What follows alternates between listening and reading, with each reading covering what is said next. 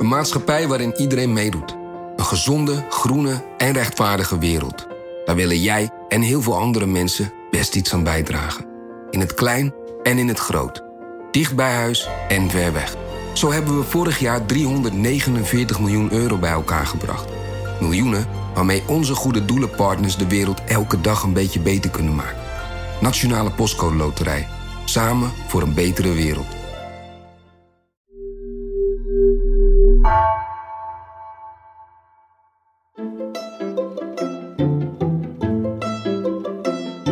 Welkom. Wij zijn Onbehaarde Apen. Dit is een podcast van NRC over wetenschap.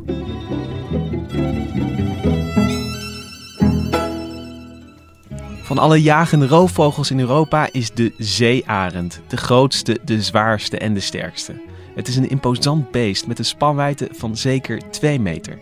En hij broedt nog niet zo lang in Nederland, sinds 2006. Hoe kan het dat deze roofvogel besloot om hier neer te strijken, terwijl we toch het idee hebben dat het niet zo goed gaat met onze natuur? Vandaag neemt Nienke Bijntema ons mee in de koude, natte wereld van de zeearend.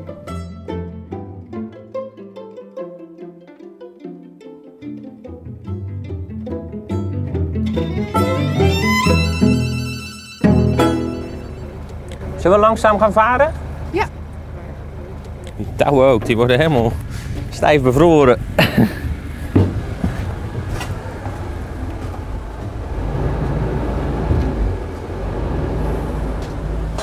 Thomas, we varen hier in de Sliedrechtse Biesbos.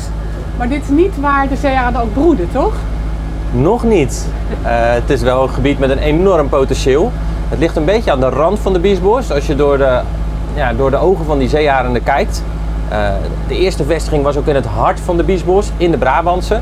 Later kwam er een nest bij in de Dordtse Biesbos. En dit is een beetje een leeg gebied, wat voor de rest alle ja, eisen eigenlijk heeft van een zeearend.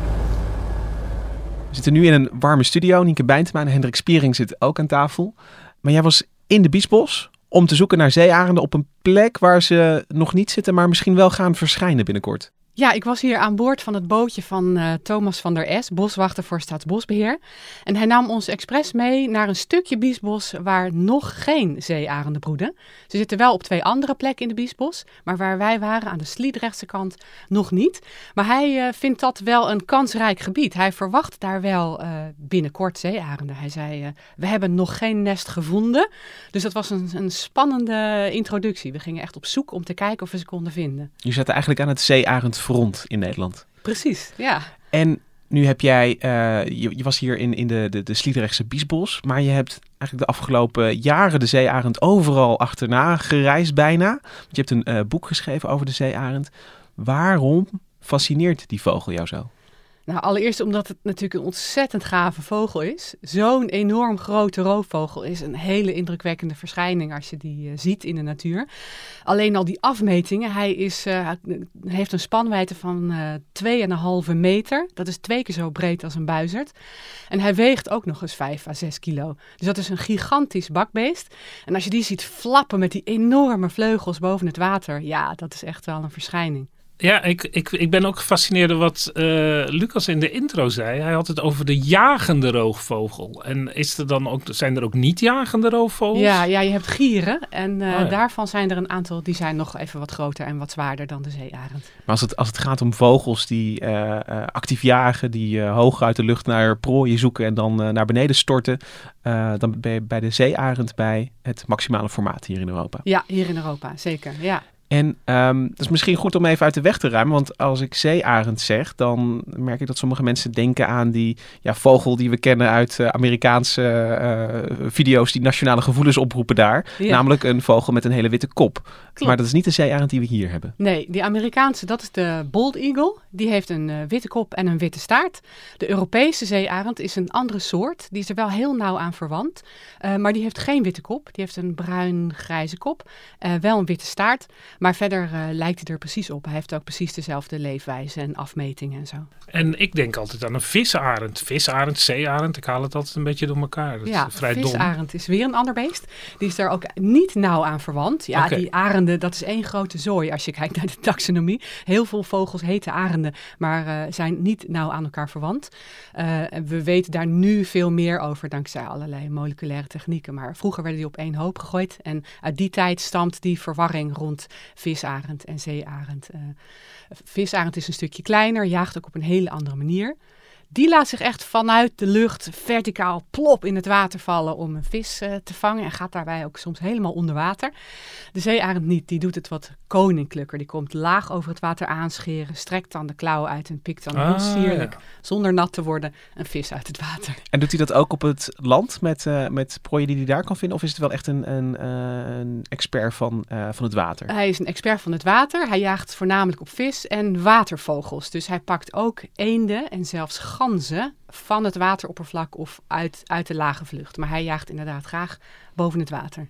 En eh, je, je noemt hem al eh, statig en koninklijk. Dat zijn toch ook wel, wel woorden die ik dan vaak hoor met, eh, met arenden. Ik bedoel ook ja, in onze mythologie, in onze beeldtaal is het gewoon een hele ja, eh, sterke eh, vogel. Ja. Staat, dus- staat voor macht. Ja, Is dat ook waarom jij hem toch wel, wel interessant vindt eh, Ja. als, als machtige vogel? Ja, ik denk het toch wel. Hij straalt echt wat uit. Hij heeft echt een uitstraling van, eh, van kracht en eh, onoverwinnelijkheid. Ja, dat wekt eh, heel veel indruk als je dat in het veld ziet. Dat is trouwens ook wel eens anders, want eh, nou, dit gaat dan over de Bold Eagle, die Amerikaanse zeearend, om hem dan zo te noemen. Die is het symbool van de Verenigde Staten geworden in die eh, vroege tijd van de VS, zo 1780. Toen moesten ze een wapen hebben en adelaren, die waren natuurlijk wel eh, heraldisch interessant. Maar Benjamin Franklin, die heeft toen een tirade geschreven tegen de zeearend. Oh, die ken jij Ja, ja. waarschijnlijk. Hij heeft een brief geschreven waarin hij zegt: Ik betreur het dat de zeearend tot ons nationaal symbool is gekozen. Want het is een. eh, Een laffe vogel die Ja. alleen maar het voedsel pakt wat een ander al gevangen heeft. Het is, het, het, het is echt een, eh, een lui beest zonder enige moed. En dan de, de climax is, we kunnen beter de kalkoen als, eh, als, als waardig eh, eh, dier van de Verenigde Staten. Want die, die heeft allemaal morele waarden. Ik weet allemaal niet hoe dat Ja. dan verder gaat. Ja, terwijl tegelijkertijd ook wel juist in de Bijbel en zo, ook die arend allerlei morele waarden kreeg toegekend. Ja, en het, is, het ligt natuurlijk ook enorm voor de hand. En het is natuurlijk ook een soort keizersymbool. Sinds de Romeinen dat als symbool hebben gekozen. En dan zie je het overal weer voortdurend opduiken. Maar wat ik me wel afvroeg, toen ik dat... want ik, ik keek even, dat vond ik zo grappig van die Franklin. Maar is dat ook zo? Is het eigenlijk een aaseter? Want zoals jij hem nu beschrijft, eh, vangt hij toch echt zijn eigen vis? Ja, klopt. Ehm, hij eet ook aas. Ehm, maar eh, de, met name de Europese zeearend, die, die vangt wel echt het liefst zijn eigen eten. Het zijn, er zijn de jonge arenden die nog niet zo heel bedreven zijn in het jagen, die ook wel eens aas willen eten in de winter. En dat zijn dan eh, een ree dat dood in het veld ligt. Of, eh, maar de volwassen zeearenden, die, die halen daar eigenlijk hun neus voor op. Ehm, er waren ook onderzoekers in de afgelopen jaren die hebben geprobeerd ehm, volwassen zeearenden te vangen, om ze ook te ringen en te onderzoeken. En dat deden ze dan door eh, een dood stuk wild neer te leggen. En dat hebben ze tijdlang geprobeerd en dat is gewoon niet gelukt. De volwassen zeearenden halen daar hun neus voor op. Maar een jonkie die, eh, die denkt wel makkelijke hap misschien. Ja, jonge zeearenden willen daar nog wel eens op neerstrijden. Ja, die kunnen misschien ook een, een, andere roofvogel, een havik of een buitser, weet ik veel, een beetje wegjagen en dan zijn prooi pakken misschien. Eh, da- dat weet ik eigenlijk niet of ze dat doen. Ik weet wel dat zeearenden soms van otters de vis afhandig Ah, maken. ja. Maar of ze dat met aas ook doen, dat weet ik niet. Daar heb ik nooit over gelezen. Die machtige zeearend associëren we dus ook vaak met, eh, met buitenlanden. Hè. We hebben het in eh, het Romeinse Rijk, in, in eh, de Verenigde Staten. En niet zozeer met Nederland. Maar toch is de zeearend hier. En inmiddels zijn er steeds meer. Eh Nienke, hoe begon dat, de zeearend in Nederland? Wanneer begint dat verhaal? Ja, het verhaal begint eigenlijk. eh, We hebben eigenlijk altijd al wel zeearenden in Nederland gehad. Maar dan met name in de winter, als wintergast. Eh, het is niet zeker of er ooit eerder in Nederland zeearenden hebben gebroed. Er zijn in historische bronnen wordt er geen melding van broedende zeearenden gemaakt. Terwijl Nederlanders over het algemeen vrij goed hebben gedocumenteerd wat er in Nederland broedde door de eeuwen heen. Dus voor zover we weten is dit broed, eerste broedgeval in 2006 echt het allereerste broedgeval in Nederland. Ehm, en daarna ging het snel. Dat is heel wonderlijk. Het begon met één paar in de Oostvaardersplassen. En een paar jaar later streken ze neer in het Lauwersmeer en in de Biesbos. En Ieder jaar kwamen daar broedgebieden bij. En inmiddels zitten we op 20 broedparen die met elkaar maar liefst 120 jonge zeearenden hebben Ja, want is dat dan allemaal familie van elkaar? Is er gewoon één, eh, het komen, zijn het allemaal kinderen van dat eerste paar die uh, verder uitstrijken of komen er telkens verse bij? Uit, deels, uh... ja. Het is uh, deels, er komt nog steeds vers bloed vanuit Duitsland met name. vaak weten we dat precies omdat dat dan vogels zijn die ook zijn geringd. Soms zijn er niet geringde vogels die opeens ergens opduiken en dan weten we het dus niet. Maar uh, er zijn ook heel veel jonge zeearenden die inmiddels groot zijn en ook zelf in Nederland een nest zijn begonnen. Bijvoorbeeld het paardje, het mannetje in het Zuidlaardermeer, is zelf geboren in het Lauwersmeer. En uh, het vrouwtje in de Lepelaarsplassen bij Almere is zelfs, zelf weer de kleindochter van de allereerste die ooit in de Oostvaardersplassen werd geboren. maar, dus zo en... houden ze hele stambomen bij aan de hand van die ringen. Als maar van een koninklijke familie bijna. Ja, zeker. Maar hoe ring je ze dan? Want dat lijkt me niet gevaar. Nee, ze worden geringd als nestjong. Als ze heel uh, echt nog in het nest zitten en uh, hulpeloos zijn, dan uh, klimt er iemand naartoe met klimuitrusting om een boom te beklimmen. Dat schijnt wel een heftige zaak te zijn, want ja, dat zijn hele hoge bomen, hele grote nesten ook, waar je dan omheen moet zien te klauteren. Maar die oude vogels die zijn dan lang weg. Dat zijn geen felle vogels zoals haviken die dan de onderzoeker op de kop komen pikken. Um, maar dan worden ze in een boodschappentas gezet en die wordt aan een touw naar beneden gelaten en dan zit op de grond een andere onderzoeker en die weegt en meet dan en ringt dan dat jong. En dat gaat dan weer omhoog. Maar die ouders grijpen niet in? Nee, die gaan er vandoor. Want zeearen zijn eigenlijk hartstikke scheiterd. Oh, dit is, nou, dat zal Benjamin Franklin dus toch gelijk hebben. Ja. en wat maakt dan een, een goede boom? Wanneer denkt de zeearend dat is een, een goede boom om een nest in te bouwen? Ja, dat moet een flinke, grote, stevige boom zijn, waar die hoog kan nestelen, maar vooral ook de, die stevige takken heeft. Want zo'n zeearendnest, dat kan echt gigantisch groot zijn. Want ze bouwen daar jaar na jaar op verder. Dan komen ze met nieuwe takken aan. Die, uh, die worden soms ook overgenomen door andere paardjes. Of er komt een nieuwe partner als de ene partner overlijdt. En dan komt er een paar jaar later weer een andere partner. En zo kunnen nesten soms wel 100 jaar in gebruik zijn. En ook meer dan een ton wegen. Die zijn dan twee meter diep, twee meter breed en uh, dat, dat is gigantisch. Dus de, een van de eerste eisen is dat zo'n boom stevig moet zijn. In de Oostvaardersplas is dat uh, overigens misgegaan in 2018. Daar was het nest zo groot en zwaar geworden dat het uh, tijdens een storm uit de boom is gewaaid of scheef is gewaaid. En toen zijn de jongen inderdaad in het water gevallen en hebben dat niet overleefd. Dus een stevige nestboom is wel een is letterlijk van, van levensbelang. Ja, van levensbelang. Voor ja. Maar ik begrijp dus dat de zeearend een landvogel is. Ja, ja hij broedt. Klinkt een beetje gek misschien, maar... Ja, ja. Oh, je bedoelt uh, als in uh, ja, niet, bij de, niet hij, bij de zee. Je bedoelt in het hij leeft, hij leeft eigenlijk op het, op het land en, en gaat bij meren en aan de kust. Het is ja. niet zoals een, uh, een albatros dat hij eindeloos boven het water hangt. Nee, maar de albatrossen die broeden natuurlijk ook. Iedere vogel heeft een nest op het land nodig. Uh, albatrossen die broeden op kliffen aan de kust. Je hebt ook zeearendpopulaties die ook zo leven. Bijvoorbeeld in Noorwegen. Daar zijn het kustbroeders die op de rotsen broeden en die ook al hun voedsel uit zee halen. Of vissen uit de zee en zeevogels. En um, uh, is die nabijheid van water, moet die, uh, moet die boom bij wijze van spreken wel na naast een, een, meer staan? Is, is daar, wat, wat is de maximale afstand tot interessant water voor een, voor een zeearend? Tussen, um, dat weet ik niet precies. De boom hoeft niet pal aan het water te staan. Maar je ziet wel dat alle nestgebieden in Nederland zijn wel echt, dat zijn moerasgebieden. Dus het, de, de nabijheid van water, of het nou zoetwater of zoutwater is, is wel een vereiste. Ja, en jij was dus in de Biesbos met uh, boswachter uh, Thomas van, van Staatsbosbeheer. Een moerasachtig gebied, dan, dan, dan ben je daar op een goede plek voor zeearenden. En daar zijn de zeearenden inmiddels ook neergestreken. Klopt, ja. Um, het eerste paar dat daar neerstreek, dat was in het hart van de Brabantse Biesbos. Een paar jaar later kwam er vlakbij een nest bij aan de Dordtse kant. Um, maar het is nu zo'n gigantisch gebied. De Biesbos is inmiddels 10.000 hectare groot. Dat is groter dan de stad Utrecht. En dat is twee keer zo groot als uh, 10, 15 jaar geleden. Dus dat biedt nog kansen voor nog maar meer. Maar hoe, hoe kan dat dan? Want daar hebben ze dus recentelijk een paar uh, polders uh, onder water gezet of zo. Er zijn daar een aantal uh, polders teruggegeven aan de natuur. Dijken doorgestoken, weer wat geulen bijgegraven, land onder water gelopen.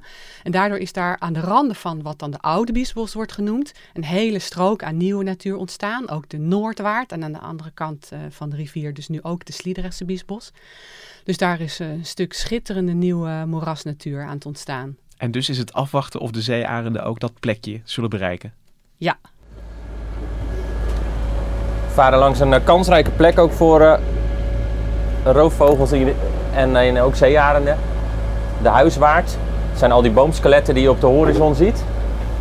En dit is bijvoorbeeld ook de plek waar het derde paardje visarenden van Nederland, want die hebben we ook in de Biesbos, zijn nest heeft gebouwd. Alleen die zit in Afrika en de zeearenden blijven jaar rond in Nederland hangen. Maar het nest kunnen we zo wel zien van de visarend. Dit is ook de tijd dat zeearenden bezig zijn met hun nest bouwen. Hebben jullie hier in de Sliedrechtsvriesbos al iets van nestbouw gezien? Nee, nee, en dat hadden we eigenlijk wel verwacht. Omdat we dus oktober, november zagen we hier een adult paar rondhangen. Uh, en ja, we, kennen natuurlijk het gebied wel zo goed dat we inmiddels wel ja, de, de plekken met mooie toekomstige nestbomen, die weten we wel te vinden. Daar wordt ook geslapen, maar we hebben nog geen beesten met takken zien slepen. En ja, ik weet wel uh, van de vondsten in de andere biesbossen uh, dat je je opeens toch uh, moet laten verrassen. Want dan waren we ook zo ijverig op zoek en toch blunderden we er twee keer op een ja, vrij onhandig moment tegenaan eigenlijk. Dus ja. toch kunnen ze heel sneaky zijn. Het zijn natuurlijk gigantische beesten. Maar ja, hoe vaak kom ik nou inderdaad in die hele biesbos in zo'n winterweek? Dat is echt beperkt. En ja, veel extra waarnemers zijn er vaak ook niet in dit soort delen. Dus ze kunnen heel rustig hun gang gaan en uh, dan zien we het straks vanzelf wel. Ja. Hoe ziet dat eruit, Nienke? Een paardje verliefde zeearenden? Ah, nou, die zoeken elkaar veel op. Die uh, vliegen dan ook wel samen door de lucht. En wat je dan in het voorjaar ziet gebeuren, als ze de lente in de bol hebben, dan uh, gaan ze echt een beetje om elkaar heen dollen in de lucht. En dan grijpen ze elkaar soms bij de klauwen beet. En dan buitelen ze, uh, dan zwieren ze elkaar in de rondte eigenlijk. Dat noemen ze cartwheeling in het Engels. Dat ze als een karrewiel door de hemel, uh, soms ook naar de grond. En dan laten ze elkaar vlak boven de grond pas weer los. Dus dat zijn een soort baltsvluchten die ze doen.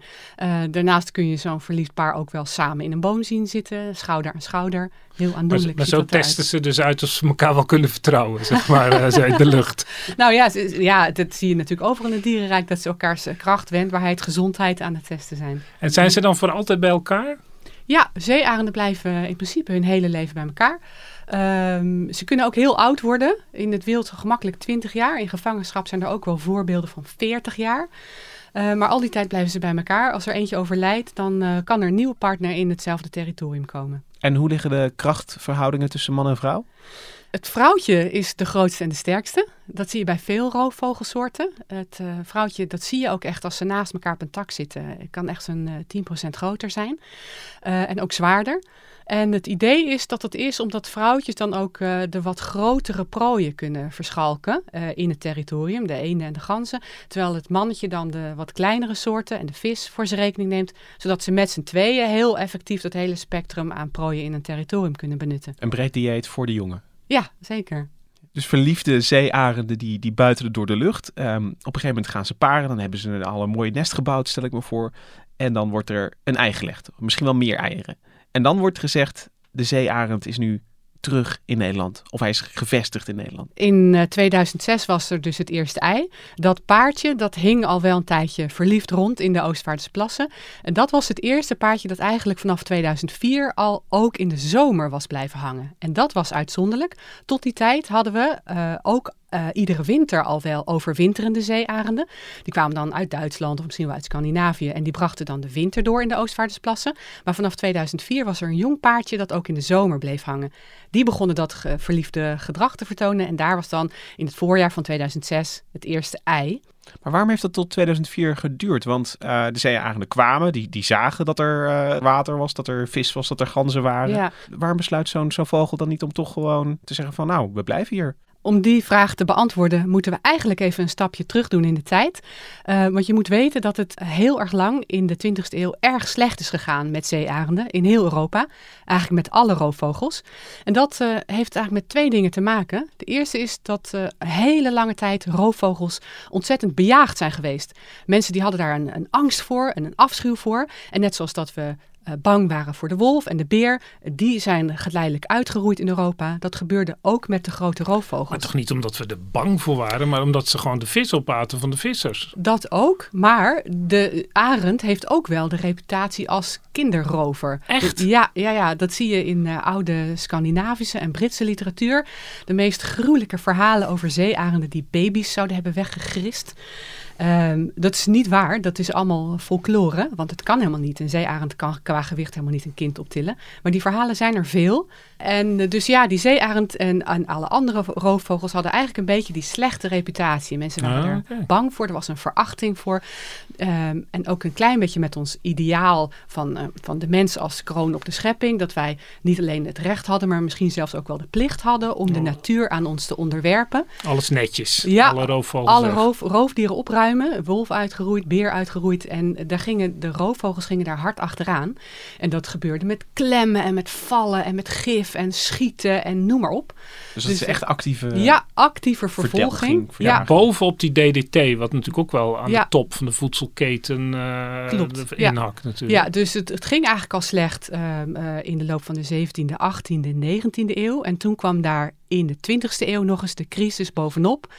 Met de DDT en PCB's die opkwamen vanaf eh, de jaren 50. DDT is een eh, bestrijdingsmiddel, een insecticide uit de landbouw. De PCB's, dat zijn stoffen die je in heel veel chemische verbindingen of heel veel industriële producten vindt. Van verf tot coatings tot eh, plastic, noem maar op. En dat zijn stoffen die zich opbouwen in het milieu. Die worden niet afgebroken. En naarmate je dus hoger zit in die voedselpiramide, bouw je daar meer van op in je lijf. Dus je ziet als gevolg daarvan dat de, de, de roofvogels eh, minder vruchtbaar werden. Hun immuunsysteem werd aangetast. En roofvogels in heel Europa zijn toen in de jaren 60, 70, 80 echt bijna over het randje gegaan.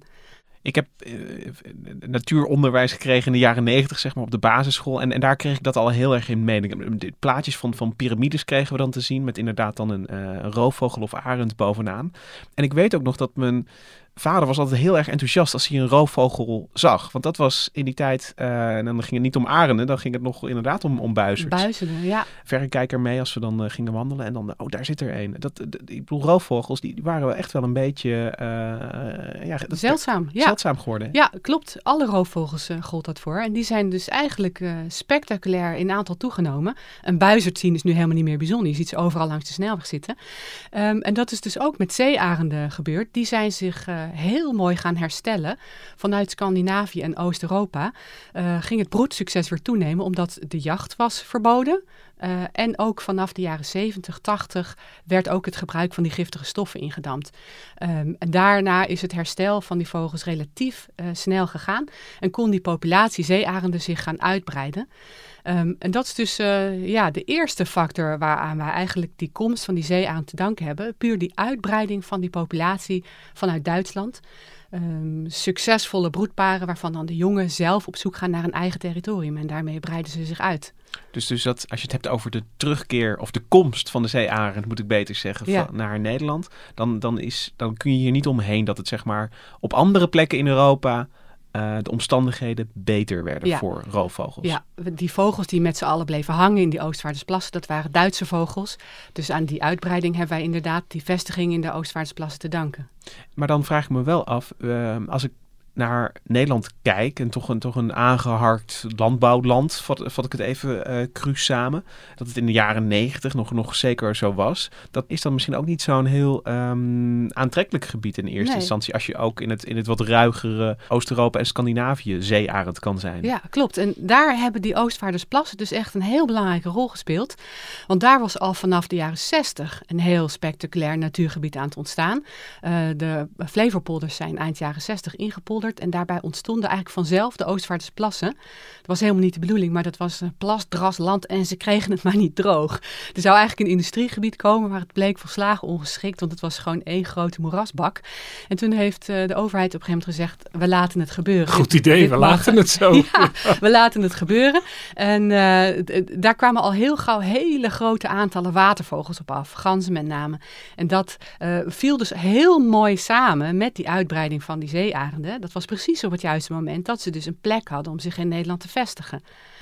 Maar Ehm, maar één polder in, eh, eh, in een groot land, dat is, dat is nog, ja, Nee. dat is hetzelfde als een, eh, een, een, een poedelbadje voor, voor zo'n grote Ja, vogel, precies. kan ik me voorstellen. Ja, en nou, leuk dat je dat zegt, want op dat moment was er in Nederland eigenlijk ook iets anders aan het gebeuren. En dat was in de jaren negentig. Toen hadden we die overstromingen van de grote rivieren. En dat is een, nog weer een andere factor die heel mooi op de juiste plek, op de juiste tijd eh, veranderingen in het Nederlandse landschap heeft gebracht. Een goed getimede overstroming. Ja, Ja, want prachtig. dat, nou, er waren geen overstromingen, er waren maar een paar kleine overstromingen. Het was een enorme dreiging van ja, nou, in 1993 is, zijn wel echt hele grote delen van Limburg Oh, onder water drieën, gelopen. ja, in Limburg. Ja. Eh, en in 1995, dat was eigenlijk maar 13 maanden later, eh, dreigde precies hetzelfde te gebeuren. Toen liep ook Limburg weer onder water. Maar toen was er ook een enorme dreiging dat de hele Betuwe Ja. en de Bemmelerwaard en het land van Maas en Waal onder water dreigden te lopen. En toen hebben ze 250.000 mensen ja, geëvacueerd. ik heb nog nooit zoiets gezien dat, aan de, dat eh, bij de Waal was dat.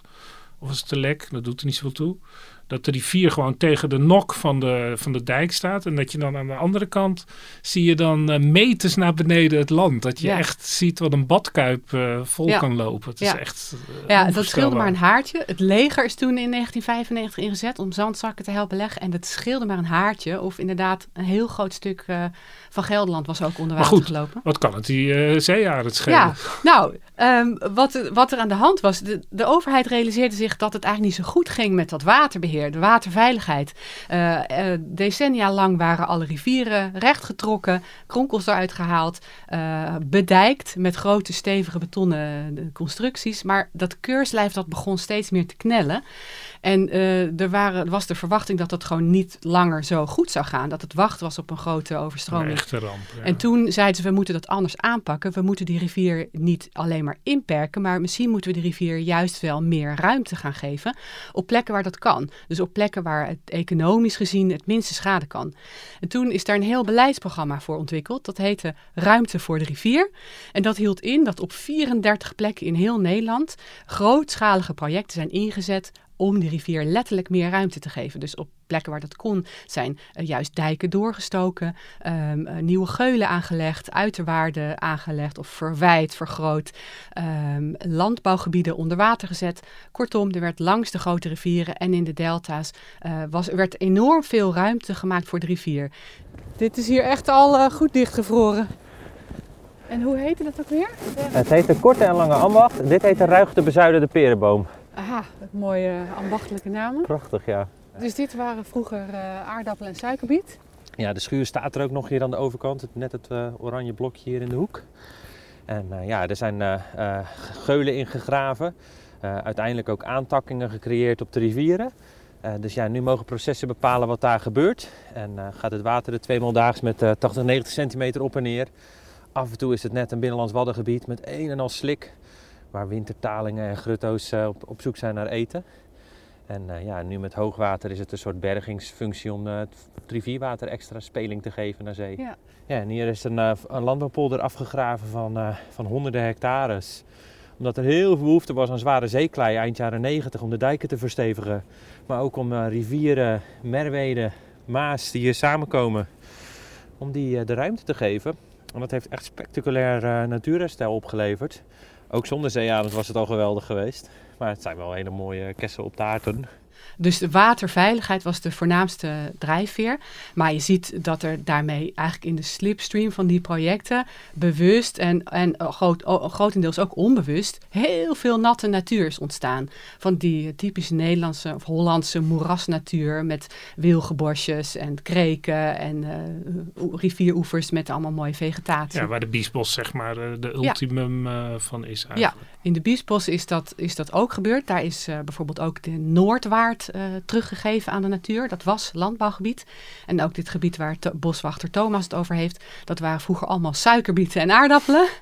Nu is oh, die Sliedrechtse Biesbos die was uh, ingepolderd. Stukken, stukken ja, ja, ervan, ja, ja. Er is in die Biesbos nog iets leuks aan de hand. En dat is dat het nog in open verbinding staat met de zee.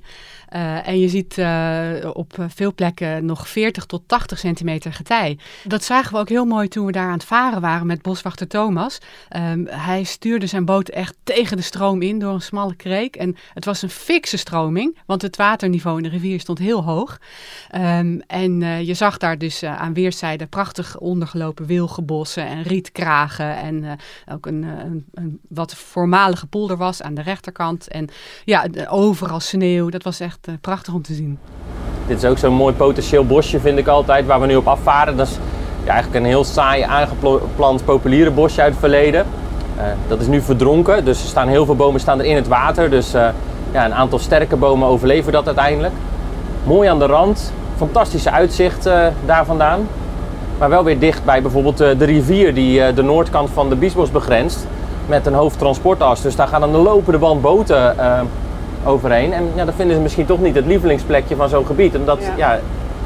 er toch een reden is waardoor dat minder interessant is. Ja. Een hele mooie rustboom natuurlijk dit.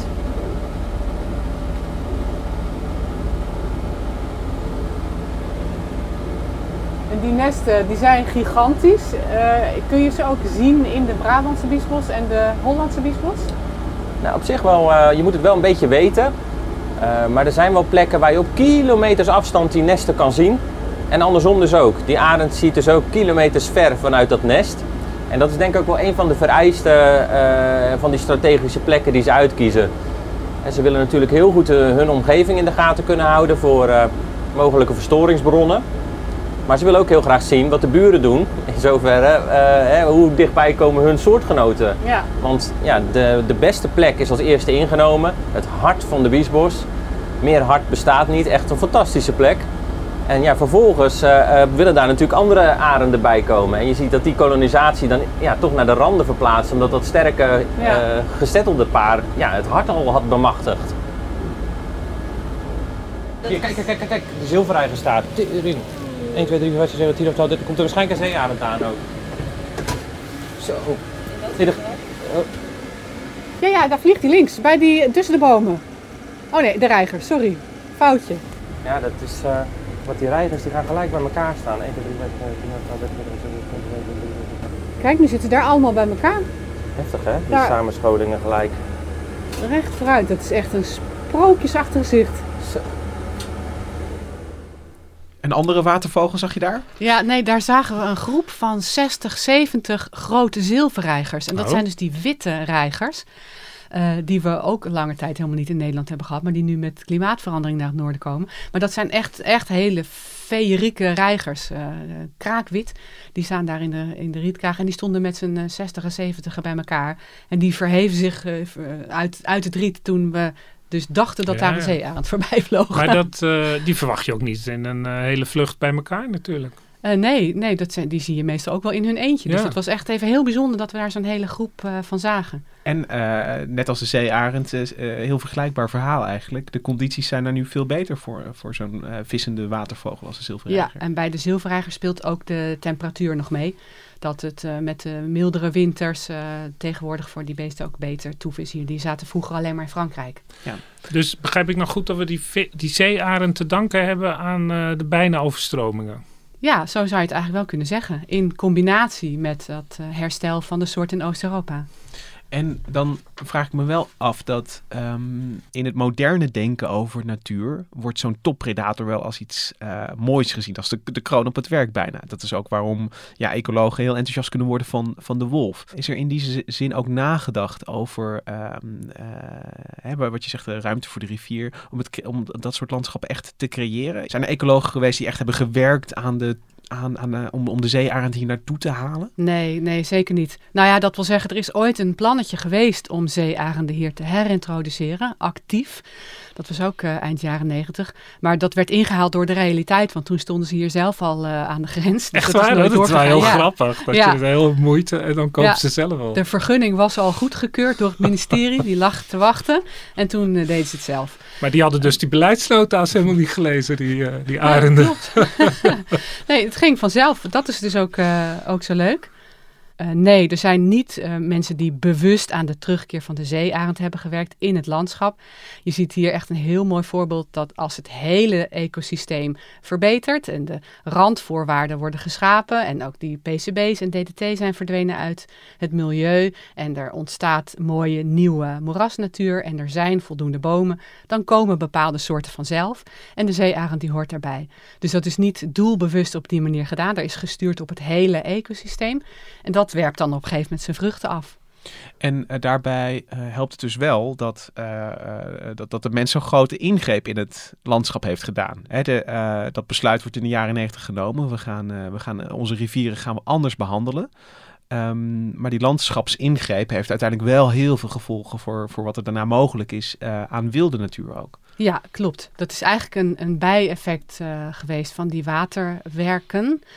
Um, maar goed, ja, de, we hebben daarmee ook, we, ze hebben daarmee ook de omstandigheden geschapen waardoor bepaalde diersoorten het dus weer heel goed kunnen gaan doen in Nederland. En um, aan het begin zei ik al, we hebben soms het idee dat het, uh, dat het hier niet zo goed gaat met de natuur in ja. Nederland. En, en het gaat ook vaak over vogelsoorten die juist uh, verdwijnen. Ja. Het gaat vaak over de, de gutto en de leeuwerik.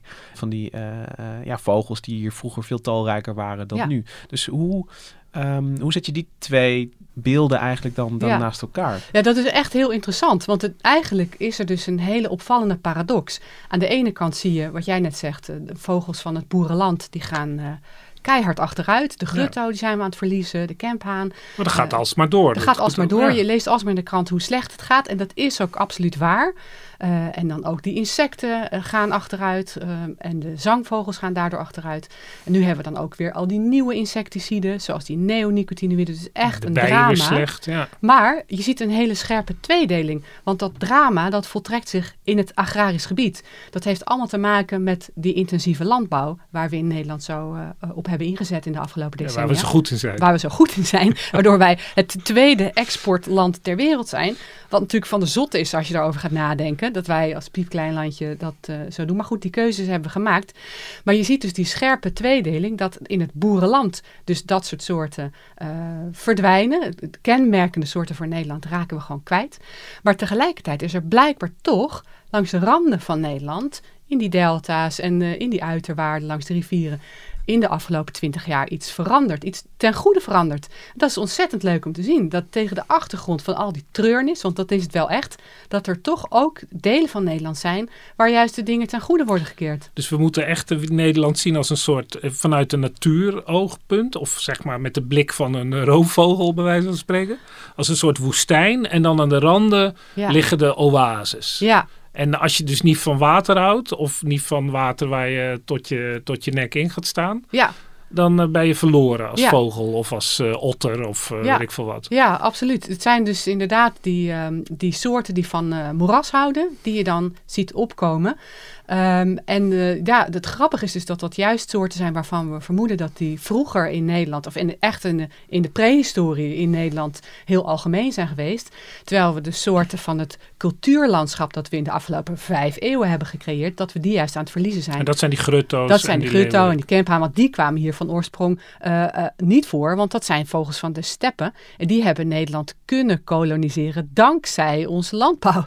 Dus het is eigenlijk heel typisch. Die soorten die wij. Wat, wat is eigenlijk natuur? Eh, wat zijn nou de natuurlijke. Wat zijn, wat zijn nou de soorten die hier thuis horen? Daar kun je over discussiëren. Het is maar Ja. net welke tijdshorizon je Ja, neemt. precies. En, en het heeft dus ook weinig zin om, eh, ik, ik, ik, noem maar wat, de natuur van twee eeuwen geleden dan tot standaard te, te verheffen. Want daar zat die zeearend dan weer eh, eh, veel minder in. Ja, het is net maar wat je als referentie noemt. En daarom is er ook zoveel eh, discussie in Nederland over wat is nou natuur? Wat is nou oernatuur? Eh, hebben we dat eigenlijk wel in Nederland? Kunnen we dat eigenlijk wel hebben in Nederland? Ehm, nou ja, daar zijn de meningen echt over verdeeld. En die discussie wordt natuurlijk gevoerd omdat de kwestie is, eh, eh, waar steek je geld in? ja, dat is wat, Ja, je hebt zeg maar een, budget voor natuurontwikkeling, Ja. of hoe je het ook verder wil noemen.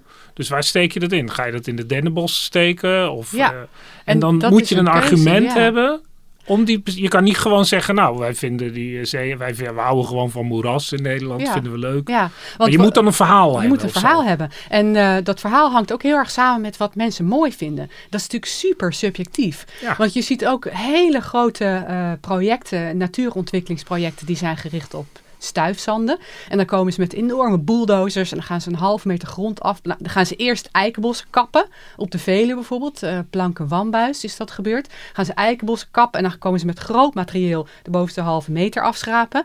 eh, om daar weer stuifzanden te creëren waar dan bepaalde zeldzame planten en zeldzame insecten, vlinders en zo, zich thuis voelen. Er zijn critici die zeggen, ja maar dat is belachelijk, want waarom is dat eikenbos niet, eh, waarom, dat is toch net zoveel waard? En waarom nou dat ene duintje duinviooltje en die ene zeldzame vlinder. Terwijl je daarmee de koolmezen en de, de, nou ja, de soorten van de eikenbossen weer wegjaagt. Maar dat kan je toch niet oplossen? Er is toch geen... Hoe, hoe kan je dat dan beslissen? Ja. Want je zegt wel heel subjectief, maar uiteindelijk is het toch... Want ik herinner me uit de Oostvaardersplassen ook eindeloze discussies tussen de vogelmensen Ja, en de, de hoefdiermensen. Ja. Want die, die, al die paarden die trapten dan weer die nesten kapot van die vogels. Die Ja. ook weer heel zeldzaam ja waren. de Oostvaardersplassen, die discussie is natuurlijk eh, een hele wrange discussie waar, de, waar dit soort dingen echt worden uitvergroot. Het idee van de Oostvaardersplassen was dat het een ecologisch experiment zou zijn. Van wat gebeurt er als je op grote schaal de natuur haar gang laat gaan. Ehm, nou, er waren meteen al, viel iedereen over elkaar heen, ook binnen de natuurbescherming. Want, eh, nou ja, het is dan wel groot, maar er staat een hek omheen. Dus die grazers heel die we gek, daarin gek. zetten, die kunnen nergens heen. Als, het, eh, als er voedselgebrek is, eh, dan kunnen ze niet wegtrekken, zoals ze dat in de Serengeti bijvoorbeeld zouden doen. Ehm, dus daar is die hele discussie is echt wel een beetje ontspoord. Want het idee was om te kijken wat er gebeurt als je niks doet. Maar als je, Ja, ze hebben dus jarenlang niks gedaan. En toen gingen die grote grazers die er waren uitgezet, de koeien en de paarden en de edelherten, die gingen ontploffen qua aantallen. En op een gegeven moment had je er duizenden grote grazers. En die trapten het gebied kaal, die Ja. vraten alle planten op. En die gingen En- dan weer massaal dood in de winter. Dan kreeg je dat weer. Ja, Ja. Dat, en daar zien we een verhaal van, van een, een, een discussie die heel, heel politiek en waar de emoties heel erg oplopen. Ik vraag me af, vormt de zeearend nu ook, krijgt hij ook zijn eigen dynamiek? Want hij ja, kwam hier op eigen kracht. Maar ehm, nu die hier is, gaat hij nu onderdeel worden van eh, de discussie? Van, Ja, heeft hij al een eigen beleidsnota Nou, eigenlijk? eigenlijk dat vraag ik eigenlijk. Van, van, van, eh, ik, ik, ik neem even aan dat het een beschermde vogel is. Ja. Eh, maar dat, dat betekent ook misschien dat er nu juist wel bewust wordt gekozen om een gebied op een bepaalde manier in te richten rondom de zeearend. Gebeurt dat al? Zijn daar sporen van te zien? Nou, ook dat is meer gebiedsgericht beleid, niet specifiek op de soort gericht. Er zijn wel stemmen, nou het is natuurlijk een beschermde soort, dus je mag hem niet uit lucht schieten en je mag zijn nest niet verstoren. Maar eh, ja, over die nesten verstoren zij, is nog wel wat te doen, want op dit moment hebben we daar geen goede regelgeving voor. Eh, er zijn ook wel zorgen dat als het bijvoorbeeld gaat vriezen en iedereen gaat schaatsen, dat je opeens wel eh, tot diep in moerassen kunt doordringen. En dat mensen dan onder die nesten door gaan schaatsen. Precies op het moment dat die beesten daar hun eieren willen gaan leggen. Dus er is wel behoefte aan beleid om, om nesten en zo te beschermen. Maar eh, qua inrichting en het creëren van gebieden is het niet zo dat de zeearend daarbij een doelsoort is. Eh, iedereen ziet van nou, als een gebied eh, aan, aan de randvoorwaarden voldoet, we hebben een mooi gebied laten ontstaan, dan komt die soort daar wel vanzelf als het er rijp voor is. En het is dus niet zo dat er in de, in de biesbos eh, wordt, wordt ingegrepen. Dat er, dat er al, alvast een boom wordt omgezaagd, zodat de zeearend eh, mooie takken heeft voor zijn nest. Eh, nou, dat, dat niet op dat niveau. Wat we in de Biesbos wel zo is, die, eh, in de Brabantse Biesbos, dat nest zit in een kerngebied dat helemaal is afgesloten voor vaarverkeer. Dus daar zie je al wel echt een, een Om soort die reden. ja, ja, dat is eh, echt een rustgebied voor de zeearend. En daarvan zegt ehm, boswachter Thomas ook dat, dat dus die zeearend op een gegeven moment wel... het is niet de doelsoort, maar het is wel een ambassadeur natuurlijk geworden van mooie woeste natuur. Dus ze gebruiken tussen aanhalingstekens die zeearend dan natuurlijk wel een beetje als posterdier. Het is een Eh, beetje de panda van eh, Ja, de nieuwe de Merwede panda van de nieuwe natuur. Want eh, ja, eh, Thomas van der Est die zegt daarover dat het natuurlijk wel helpt om beleidsmakers enthousiast te krijgen. Dat je een, een gebied voor de zeearend inricht. En ook dat het helpt om bezoekers eh, een, een rustgebied te laten respecteren. Dat doen ze eerder voor een zeearend dan voor een modderkruiper. Ja, of de kleine gele paddenstoel, zeg maar. Er, is dus wel een, eh, een rustgebied rondom dat nest in de Brabantse biesbos. Eh, ze gaan geen takken uit bomen zagen of dat soort dingen, maar er zijn wel kleine, kleine dingetjes die ze doen om de zeearend een beetje te helpen. Eh, Thomas vertelde bijvoorbeeld dat ze om bepaalde nestbomen of potentiële nestbomen eh, kippengaas aanleggen. En waarom doen ze dat nou? Nou, in de biesbos zitten ook heel veel bevers, die er overigens wel met menselijke hulp zijn geherintroduceerd. En die bevers, dat zijn hele leuke beesten, maar die knagen wel die zeldzame nestbomen om, waar die zeearenden zo van afhankelijk zijn. Dus eh, om dat dan te voorkomen, wordt er rond die grote, mooie populieren, wordt er dan een kippengaasje aangelegd. Hier links ligt ook weer een beverburgt. Een wat lagere burcht. Oh ja. En die bevers, eh, vormen die nog een bedreiging voor de nestbomen van de zeearend? ja, misschien wel.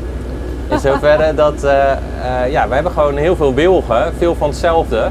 Want ja, die biesbos is in cultuur gebracht en eh, die, ja, er zijn eigenlijk alleen maar wilgen aangeplant. Dus dat is echt een dominante boomsoort. En die, ja, die zwarte populier die daartussen staat, is toch heel aantrekkelijk. Dus je ziet vaak wel dat die omringd zijn, dus uh, omgeknaagd zijn door bevers aan de onderkant. En uiteindelijk als een boomskelet uh, in het landschap blijven staan. Hier zijn van die voorbeelden. Ja. Dit is begonnen, naar alle waarschijnlijkheid, met bevervraat aan, het voet, aan de voet van de boom. Wij hebben daar niet met de kettingzaag een kringetje omheen gezet. En die boom die sterft af en dan... Uh... Ja, dat, op zich mag dat natuurlijk ook. Dat is voor het proces natuurlijk fantastisch. Maar ja, ja hier zie je dat je toch niet zoveel populieren meer overhoudt. Ja. En uh, dat is zeker beverwerk. We hebben ook bij één van de zeearendnesten een kippengaasje onderaan de boom neergezet. En uh, ja...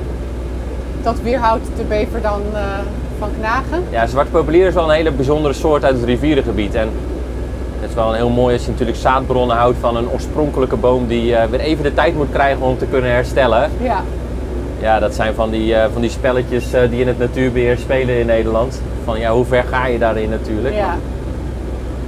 Want je wil eigenlijk wel alles zo natuurlijk mogelijk zijn gang laten gaan met de zeearenden. Ja, nou, als je kijkt hoe zo'n biesbos werkt, ja, is toch het overgrote deel van het gebied.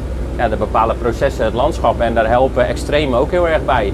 En zowel in het ja, natuurlijk evenwicht brengen in die populaties, als in ja, die overstromingen die die verschraling weer teweeg brengen op onze hooilanden. Dat is heel divers wat die, die invloeden zijn. Ja. En dat die hier ook ja, best wel grootschalige ruimte hebben gekregen. 10.000 hectare is voor Nederlandse begrippen gewoon heel groot. Dat vind ik dus ontzettend grappig. Omdat je dus een boswachter zie je dus... Uh, laten we dan toch maar die populier beschermen. Terwijl dus in het Amazonegebied... wat een beetje de symbool is voor de wilde natuur... is de laatste decennia ontdekken ze daar steeds meer patronen... in het soort bomen wat er staat. En ze komen eigenlijk tot de conclusie... dat heel veel van die bomen zijn aangeplant door mensen. Omdat dat gunstig is. En dat wordt dan natuurlijk onderdeel van het ecosysteem. Maar het is daar een enorme grip van, van mensen al 10.000 jaar op hoe dat bos zich daar ontplooit. Je, je ziet hier dus volgens mij, Nienke, dat, dat de, de, de, de zeearend is dus realiteit. En gewoon ja, hoe we in Nederland omgaan met de natuur, is dat we daar dus wel... Um, het is, het is niet, niet meteen een compleet beleidsplan, maar er wordt wel rekening mee gehouden. Ja. Dus ik, ik vind dat kippengage symboliseert wel heel veel over uh, dat, dat we ja, toch ons er een beetje mee willen bemoeien. Ja. Ook al is die zeearend hier op eigen kracht gekomen en gaat het, uh, zit hij in de lift Ja. uh, in Nederland. Um, Er zijn dus ook mensen die noemen dat tuinieren. Je hebt bijvoorbeeld de bekende roofvogelonderzoeker Rob Bijlsma. En die is daar heel erg kritisch over. Dat is een natuurliefhebber puur zang. Maar die vindt het allemaal onzin en geldverspilling. Ook dat grote graven met die grote, dat groot materieel. Die zegt, uh, joh, als je de randvoorwaarden weer goed hebt. Hè, zorg dat de gifstoffen uit het milieu zijn verdwenen. En niet overal uh, industriegebieden plant. Dan komt die natuur daar vanzelf alweer. Als je het zijn gang laat gaan. Uh, dat is allemaal kunstmatig dat wij dat nu willen doen. Dat we zo ongeduldig zijn. Rob Bijlsma zegt, ja, je moet heel, in een hele andere tijdschaal gaan ja, denken. Ja, je moet gewoon geduld hebben en 50 jaar brandnetels. Dat is helemaal niet dat erg. is helemaal niet erg, want wij vinden dat lang. Maar in natuurlijke uh, context is dat natuurlijk helemaal niet lang. En, dat... en dan moet je het spel tussen bever en zeearend eigenlijk gewoon uit laten spelen. Ja. En, en, zien waar dat uitkomt. Kijken, waar Kijken wie er wint. Ja, dan zie je dat de ene beschermde soort de andere misschien wel uh, de nek omdraait. De nek omdraait. Maar, maar dat, is, dat is natuurlijk wel, uh, ook dat is onderdeel van de natuur, tegengestelde belangen. Ja, maar wat ja. is nou de natuur? Ik bedoel, dat is toch ook maar wat wij dan... Uh, Ja. Wij zijn toch, je kan ook zeggen, de mens is ook een onderdeel van de natuur. Nou, dat, dat, dat laat het hele verhaal zien, wat mij betreft. Is, is dat um, uh, die, die herinrichting van het rivierenlandschap niet. niet daar, daar zit een e ecologische gedachte zit er ook achter, maar dat is, dat is niet de, de, de drijvende kracht. Nee, maar er is een soort idee van een soort romantisch idee van natuur. Dat wat iets overweldigends en zelfstandig en dit en dat. En wat we nu in Nederland gewoon doen, is we zien dat het gewoon een armoedige troep wordt als je niet de natuur een handje helpt. Ja. Maar da daarin is het die zeearend. Uh, ik bedoel, natuurlijk evenwicht bestaat niet. Maar de komst van de zeearend, die, uh, um, en dat heb je denk ik heel mooi laten zien, die staat wel voor een ontwikkeling. Namelijk ja. uh, meer ruimte voor, toch voor, voor waterminnende soorten. Weet je, Ja. Nederland is wel veranderd in de Ja. afgelopen 25 jaar. En dat laat de zeearend zien. Ja, dat is wel heel leuk. Die soort die symboliseert daarmee natuurlijk toch wel weer iets. Ehm, en wat mij betreft is dat die, die veerkracht van natuur. Dat Ja. als je bepaalde randvoorwaarden weer creëert. En dan met name die gifstoffen en ophouden met die jacht en zo. En het landschap een beetje met rust laat. Dat zich dan vanzelf toch weer schitterende natuur gaat vormen. En je kunt erover discussiëren of, over, of die nieuwe natuur dan echte natuur is. Of het niet kunstmatig is. Maar feit is dat het blijkbaar voldoet aan bepaalde ecologische eisen. Waardoor bepaalde eh, magnifieke soorten eh, die wij mooi vinden zich dan weer kunnen vestigen. Ja, maar ook vind ik, en dat vind ik eigenlijk wel een, een, een voor mij wel een nieuw, nieuw beeld van Nederland. Dat je dus die, die laten we zeggen, die boerennatuur, die verdwijnt, die, die grutto. Dat, dat kunnen we kennelijk niet aan, omdat Ja. om, hoe, hoeveel liefde we ook voor al die weidevogels hebben. Dat kunnen we niet vastpakken. Maar aan de kustgebieden en in het natte gedeelte. Dus Ja. het is echt een beetje van eh, ja, eh, grutto eh, tot ziens. Of Ja. goeie dag grutto, welkom zeearend. Dat, dat, Ja, je voelt het kantelen. je voelt het kantelen. en er is geen grip, want ik denk Nee. dat er heel veel mensen die grutto willen beschermen. Maar Ja. het lukt dus gewoon niet. Ja, klopt. En dat is dus weer die vraag van wat, wat wil je? Wat, wat vind je mooi?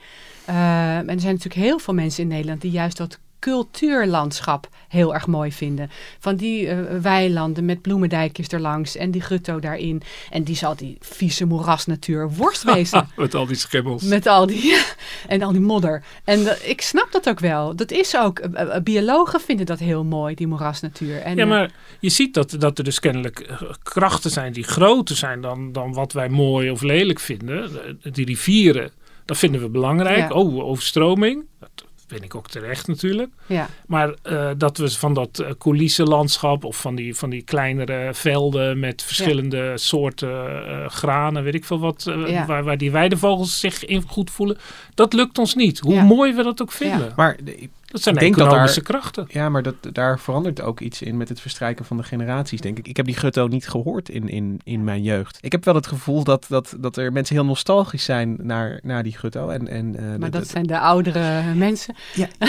ik wil ze niet... Ik, ben Jij bent meer, een, jij bent meer een zeearend mannetje, begrijp ik. Nou, ik, maar kijk, als ik, als ik een wandeltocht ga maken, dan, dan is, dat, eh, is dat vaak eh, eh, in, in, in drassiger natuur, zeg maar, dan, dan eh, je 30 jaar geleden Nou, je zal wel moeten. Ja. Ja. En, en dat zijn die dat- shifting baselines, zoals Ja, het wordt genoemd in dat de wordt toch een nieuwe normaal. Ja, dat wordt het nieuwe normaal. En dat is natuurlijk omdat jonge generaties opgroeien met een ander soort natuur. Dat wordt voor hen dan het Maar referentiekader. wat, wat ik mooi vind, want de shifting baseline wordt vaak verteld in een soort neergang, van dat het minder is. En wat jij Ja. nu zegt, eh, de, de baseline Ja. is, is anders geworden. Anders geworden, met, een, ja. met, met plek voor een zeearend. Ja, ja. Ehm, en dat is natuurlijk, brengt ons dan bij de vraag, ja, hoe, hoe moet dat dan in de toekomst met Nederland? Wat kunnen we dan over 100 jaar verwachten? Ehm, en eh, ja, er zijn allerlei eh, hele slimme mensen in Nederland die daar prachtige ideeën over hebben. En die, eh, die ook trouwens die boeren-natuur niet opgeven. Hè? Want dat, we doen nu alsof dat een opgegeven zaak is, maar dat is natuurlijk niet waar. We kunnen natuurlijk echt wel is een maatregelen... keuze om te maken. Dat is Nee, een het keuze. kan, ik bedoel, het kan wel, maar het je- ik Het ben ieder jaar weer verbaasd als ik lees van toch weer minder grutto's, Ja. minder kievieten, Ja, noem maar ze dat maar op. is omdat we toch niet heel drastisch de, dat boerenland anders willen Nee, maar doen. dat doen we dus niet. Nee. Als je kijkt naar gedrag, En dan zie je die natte, we- Ja, die natte natuur, die heeft, eh, heeft, een, heeft de wind mee. ja, ja. Ik denk dat het wel kan. Ik denk dat je ook wel boerennatuur kunt houden in Nederland.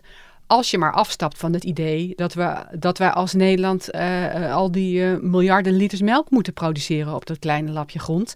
Dat kan echt anders. En dat begint natuurlijk met een heel ander, ja, heel ander verdienmodel. Van wat betalen we die boeren en wat heb je over? eh, hoeveel vlees wil je op je bord? En daar moeten we drastische keuzes in maken. En er zijn mensen die zeggen, ja, dat kan allemaal. We kunnen over 100 jaar een Nederland hebben waar we boeren hebben die een goede boterham verdienen, waar we die miljoen huizen erbij hebben en waar we nog meer ruimte hebben voor groene en blauwe natuur.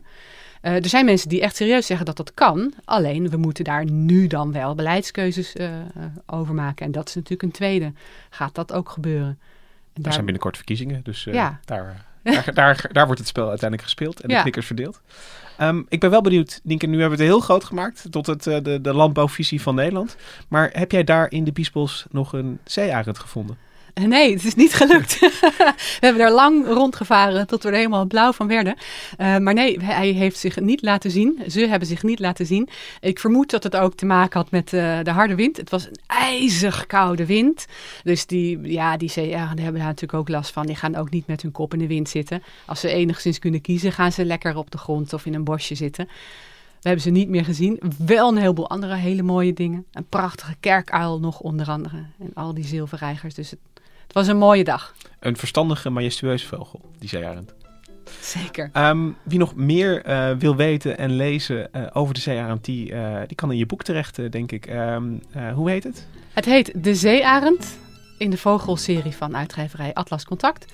Vanaf 12 februari online te bestellen bij je lokale boekhandel. Super. Um, heel erg bedankt uh, Nienke uh, dat je hier kwam vertellen over deze prachtige vogel. Bedankt ook Hendrik dat je hier was.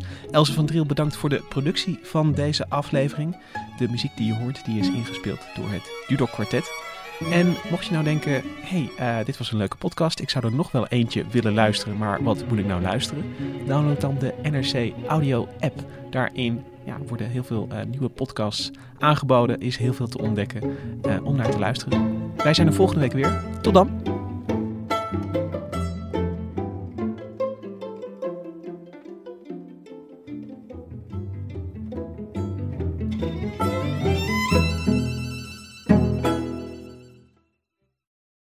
De financiële markten zijn veranderd, maar de toekomst, die staat vast. We zijn in transitie naar een klimaatneutrale economie. Dit biedt een van de grootste investeringskansen van onze generatie. Een kans voor u om mee te groeien met de pioniers van morgen. Meer weten? Ga naar carbonequity.com. Carbon Equity. Do good by investing better.